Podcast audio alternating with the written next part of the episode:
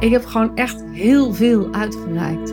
En ik voelde me daarin steeds zo enorm ontvangen dat ik niet het idee heb gehad dat ik het helemaal alleen hoefde te doen. En dat voelt nog steeds zo. Ik kan nog steeds voelen dat ik uit kan reiken naar alle moeders op de school van mijn dochter. En dat voelt zo heel stevig dat mijn draagkracht voor de kinderen ook veel groter is. Welkom bij de Sensueel Belichaamd Leiderschapspodcast met Janneke Robers. Dit is de podcast voor vrouwelijke coaches en leiders die zichzelf willen bevrijden van eeuwenlange conditioneringen die hen klein houden. En de podcast die je ondersteunt in het ontwaken van je volle vrouwelijke potentieel. Welkom in mijn hoofd, hart en bekken.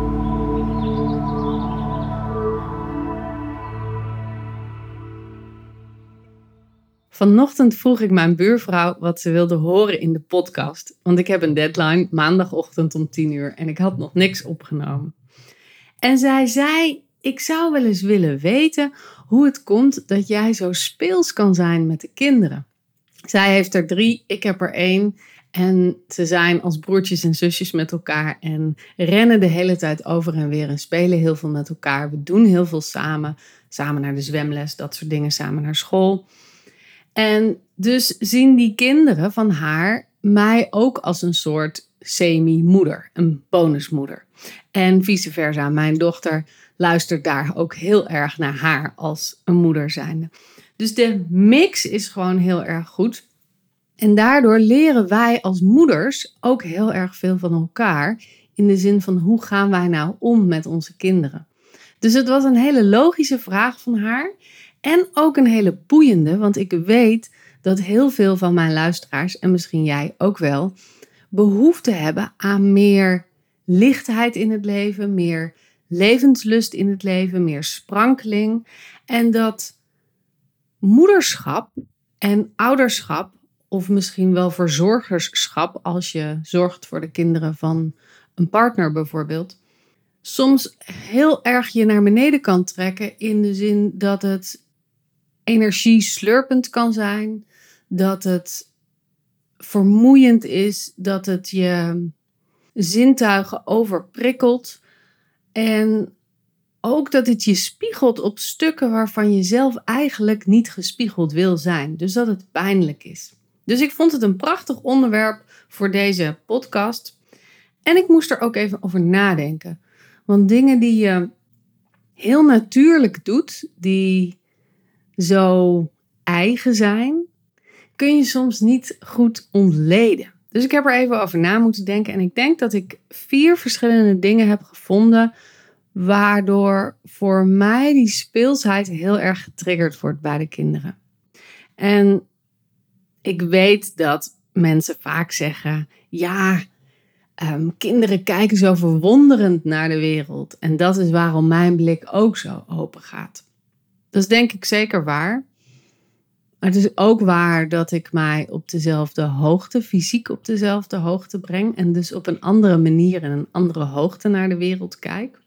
Maar dat vind ik toch eigenlijk nog een beetje gemakkelijke antwoorden. Ik denk dat ten eerste belangrijk is dat ik heel graag wil verbinden. En dat ik mijn hart open doe.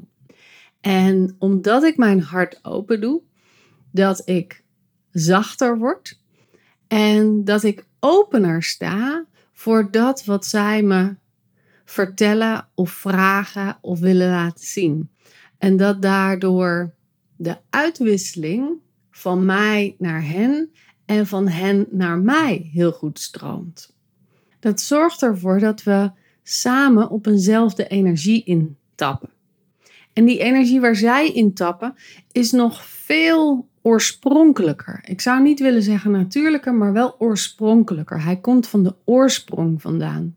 En hoe ouder je wordt, hoe meer laagjes en conditioneringen en overtuigingen je hebt rondom je eigen oorsprong.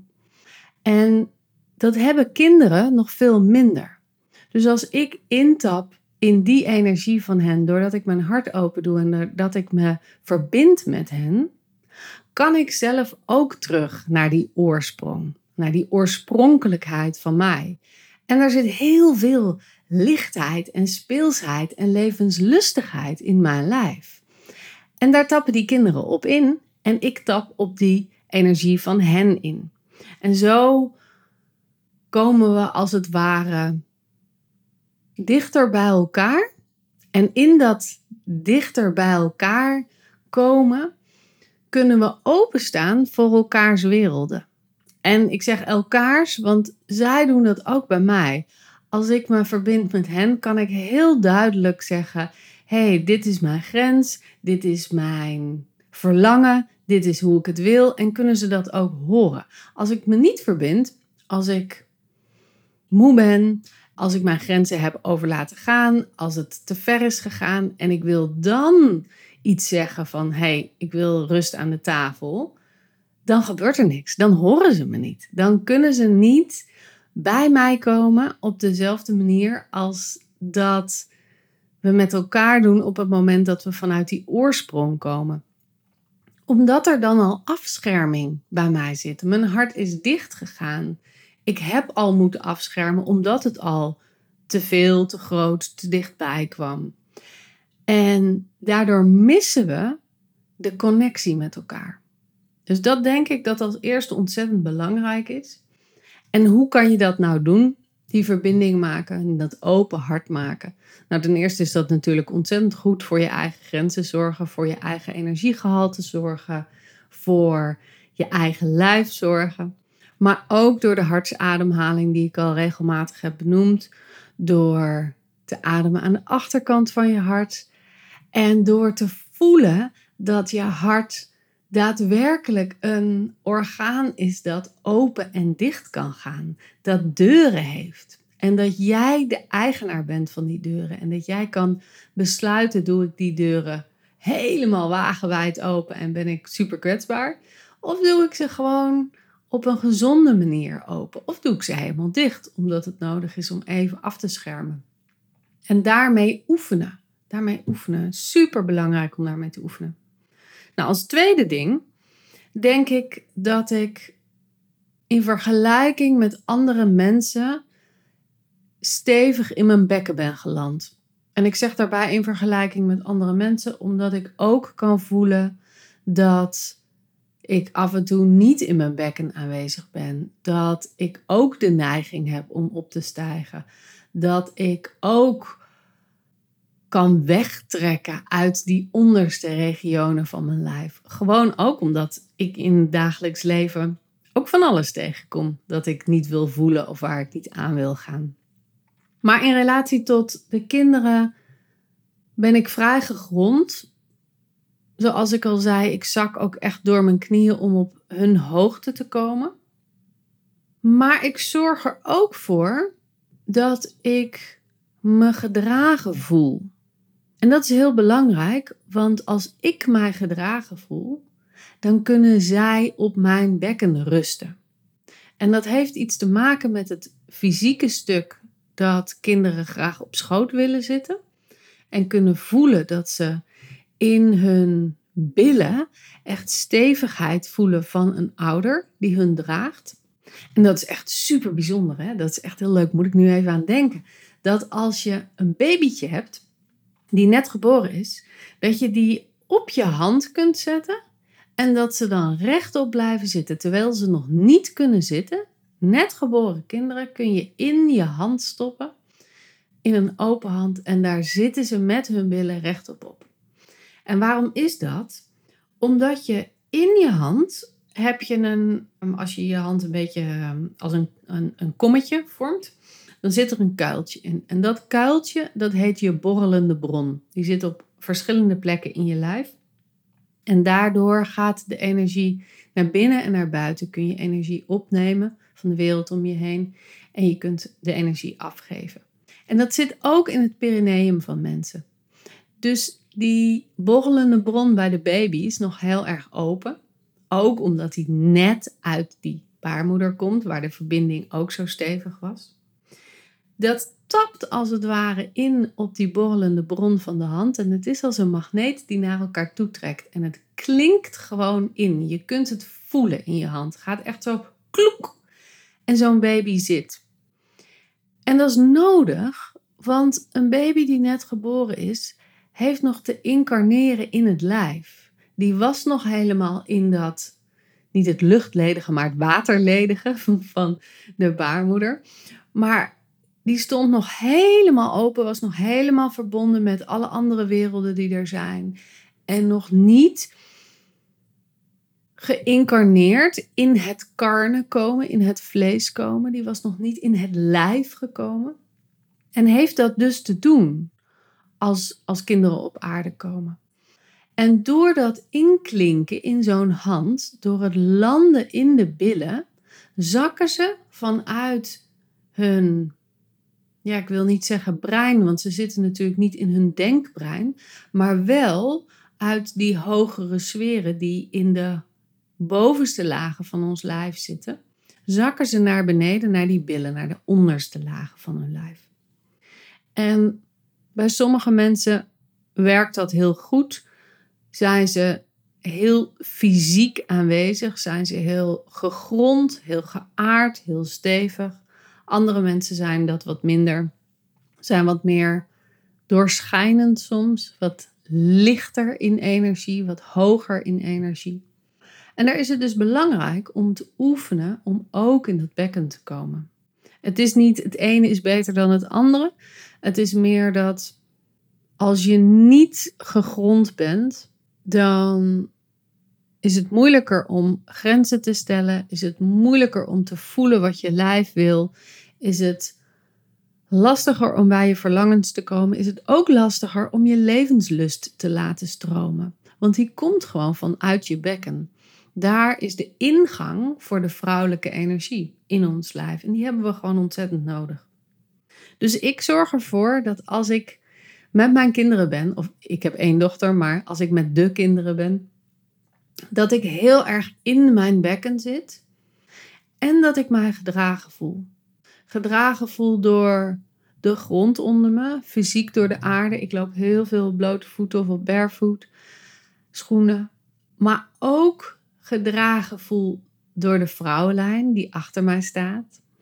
Door mijn moeder, mijn oma's, mijn overgrootoma's. Daar tap ik echt op in vanuit mijn ruggengraat. En ik ben heel erg bezig met: mag ik leunen? Mag ik steun vragen? Mag ik uitreiken? En bij wie kan ik dat dan doen? Zodat ik in dat moederschap, wat toch een super verantwoordelijke rol is en heel uitdagend voor onze energievoorraad, laten we daar wel over zijn, toch voel dat ik het niet alleen hoef te doen. Dat ik me niet groot hoef te houden. Dat ik me niet beter voor hoef te doen dan dat ik eigenlijk ben. En ik weet nog heel goed dat ik in het begin van het moederschap, en ik denk dat heel veel vrouwen dit wel herkennen, maar ook wat onhand heb gevoeld. En niet wist hoe ik dit moest doen. Het is niet alsof we daar les in hebben gekregen. Het enige wat we weten is het voorbeeld wat we zelf hebben gehad. En heel vaak hebben we daar een mening over, over hoe we het zelf hebben ervaren? Willen we het niet zo doen als onze moeders? Willen we het anders doen? Hebben we er een oordeel over? Willen we het beter doen? Nou, en hebben we daar, ja, hoe zal ik dat zeggen? Onze moeders kwamen natuurlijk ook uit een andere generatie en die hadden andere ideeën over ouderschap. En dus heb je dat als, als nieuwe moeder zelf te onderzoeken. Hoe doe je dat nou? En dat kan heel erg alleen voelen in die eerste periodes. En ehm, ik heb dus echt letterlijk uitgereikt naar vrouwen die ik kende vanuit andere trainingen die ik uh, had gevolgd, vanuit vrouwentrainingen. Ik heb uitgereikt naar vriendinnen Ik heb uitgereikt naar mensen in de straat. Ik heb uitgereikt naar vrouwen die ik ook met wandelwagens zag lopen. Ik heb gewoon echt heel veel uitgereikt. En ik voelde me daarin steeds zo enorm ontvangen dat ik niet het idee heb gehad dat ik het helemaal alleen hoefde te doen. En dat voelt nog steeds zo. Ik kan nog steeds voelen dat ik uit kan reiken naar alle moeders op de school van mijn dochter. En dat voelt zo heel stevig dat mijn draagkracht voor de kinderen ook veel groter is. En als er veel meer draagkracht is, voelen zij zich veel veiliger en voelen ze zich veel opener en kunnen ze dus vanuit die oorsprong veel meer relateren met mij en kan ik dat ook. Nou, dus dat was het tweede ding. Het derde ding is dat kinderen nog een hele grote vorm van sensitiviteit hebben en van sensualiteit. Sensitiviteit in de zin van dat ze ontzettend goed kunnen voelen wat er gebeurt om hen heen. Dat ze heel bewust zijn van wat is oké, wat is niet oké. Waar stroomt het, waar stroomt het niet.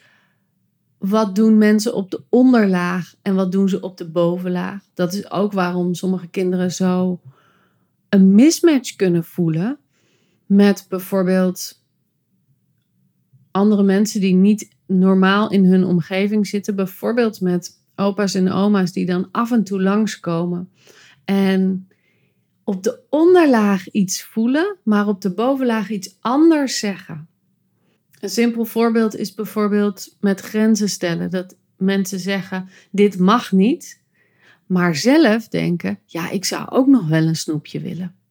Nou, kinderen raken daar helemaal van in de wap, omdat ze dat voelen. Omdat ze in de gaten hebben dat er twee boodschappen worden gegeven. En wij als volwassenen, we sluiten onze sensitiviteit veel af, omdat er in deze wereld heel veel dingen, nou ja, zoals ik dat vaak zeg, te groot, te heftig, te snel en te dichtbij komen. Dat er veel dubbele boodschappen zijn, dat er veel onjuiste informatie is, dat er gewoon een teveelheid is, dat we onszelf hebben te beschermen. En dus sluiten we onze sensitiviteit af voor de buitenwereld, omdat we in ons eigen kokonnetje minder hoeven te voelen, ons meer beschermd voelen en minder kwetsbaar zijn. Althans, dat denken we. Hè? Afsluiten is nooit de oplossing. Het is een oplossing. En kinderen hebben die sensitiviteit nog heel erg. En ik ben natuurlijk iemand die heel erg bezig is met sensitiviteit, met het openen van al die stromingen, met wel kunnen voelen. En die kinderen spiegelen mij dat enorm. En ik word dus heel erg aangewakkerd om dat open te maken, om dat te laten stromen, om dat te voeden. En daar gaat mijn levenslust ook van stromen. En zo geldt dat ook voor sensualiteit. Kinderen zijn zich nog heel erg bewust van dat wat ze horen, voelen, ruiken, proeven, zien. En gaan helemaal op in alles wat ze ervaren van de wereld binnen zichzelf en buiten zichzelf. En kinderen kunnen nog niet altijd precies zeggen waar dat over gaat. Bijvoorbeeld als kinderen buikpijn hebben, ja, dan zit dat gewoon ergens daar in die buik. Maar het kan best zijn dat die teenpijn doet. Ze zijn nog niet heel specifiek op wat komt waar vandaan. Maar er is wel een hele grote mate van sensualiteit in de zin van dat ze genieten van dat wat hun zintuigen hen vertellen. En ook daarin laat ik me graag spiegelen en meenemen door die kinderen. En als ik dat bij hen zie gebeuren, dan kan ik het bij mezelf ook openmaken. En ik train mezelf er natuurlijk in. Weet je, mijn werk gaat over sensualiteit. Dus ik ben ook geneigd om vanuit die plek met ze te verbinden. En dus die speelsheid, die luchtigheid, dat genot, dat genieten van het heerlijke leven met hen te delen. En dus op die manier met ze om te gaan. En ook de grapjes van het leven in te zien. Ja, zelfs al met het vertellen van dit word ik al helemaal vrolijk. En het is niet alsof ik kinderlijk met mijn kinderen omga. Het is niet gericht van boven naar beneden. Het is meer vanuit onderen opzij. Als dat, als dat logisch klinkt. Ja, voor mij klinkt dat heel erg logisch. Het is meer een, ehm, een hele brede blik vanuit hen, hun perspectief. En dan niet eens bewust het perspectiefbeeld veranderen, maar echt intappen op de, op de lol en het plezier wat er is. Nou, en als laatste nummer vier denk ik dat ik heel erg geraakt ben bij kinderen door hun prachtige kwaliteit van emotionele flexibiliteit. Ze kunnen heel erg goed schakelen op die lijn van polariteiten tussen verdriet en blijdschap, tussen ehm, boosheid en verbinden, tussen het mannelijke en het vrouwelijke, tussen het harde en het zachte.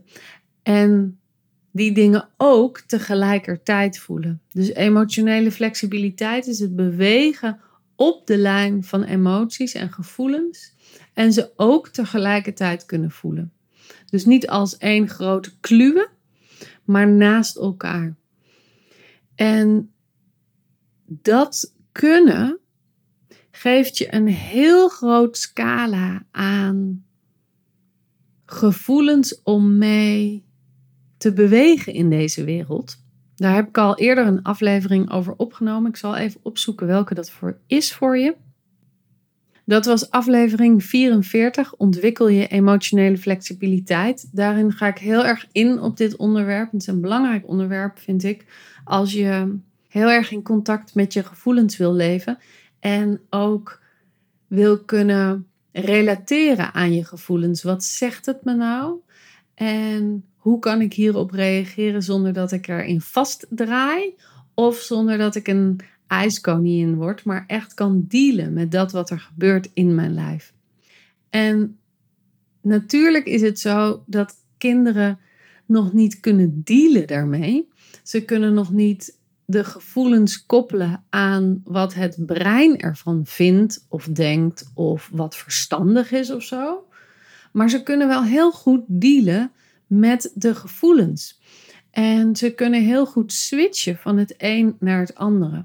Ze kunnen diep in tranen zijn omdat ze gevallen zijn en er een snee in hun knie zit. En twee seconden later weer heel erg vrolijk in het spel gaan. Ze blijven dus niet hangen op een bepaalde emotie. Ze maken dus veel minder een verhaal van dat wat ze voelen in hun lijf. En dat maakt het zo ontzettend levenslustig. Ze kunnen heel erg in het hier en nu blijven. En die kwaliteit, die probeer ik natuurlijk in mijn leven ook te hebben en te verstevigen en te beoefenen. En dat vind ik dus ook heel erg leuk met kinderen om in het hier en nu op hun niveau dat stuk in mijzelf wakker te maken. En terwijl ik dit allemaal zeg, denk ik ook: oh, het klinkt nu alsof ik precies op de hoogte van een kind heel erg speels en allemaal spelletjes doe en zo heel erg in tune ben met kinderen. Maar zo ervaar ik dat zelf niet. Ik kan wel heel speels en levenslustig met ze zijn. Maar ik ben ook echt een volwassen vrouw. En ik ben ook iemand met heel veel gevoeligheid en heel veel sensitiviteit. En ik kan dus niet heel veel kinderen, heel veel kindergeluid, heel veel dreinendheid, heel veel zeurderigheid, wat er natuurlijk ook bij kinderen zit, dat, dat kan ik niet hebben. Ik heb daar een, uh, een kleine tolerantie voor. Maar wat ik wel heb, is dat ik goed in het hier en nu kan verbinden vanuit mijn hart, mijn draagkracht kan voelen vanuit mijn bekken en mijn sensitiviteit en mijn sensualiteit open kan stellen. Dus in een afgebakend deel kan ik dat heel erg laten stromen. En dat afgebakende deel is voor mij heel erg belangrijk. Dus dat betekent ook dat als ik met de kinderen ben, kan ik dat heel goed. Ook omdat ik weet dat ik daarnaast weer met mezelf ben. Dat ik daarnaast met mijn partner date night heb. Dat ik daarnaast mijn werk heb met mijn vrouwengroepen. Dat ik dus ook mij tijd heb en zelfzorgtijd heb. En kan decompressen als het ware. Want zo voelt het ook wel. Hè? Het is ook wel dat kinderen een ontzettende ja, een druk op je leggen. En veel van je vragen. En bijna leegslurpend op de energie zijn. Dat is er allemaal ook. En ik ben dus absoluut niet de perfecte moeder.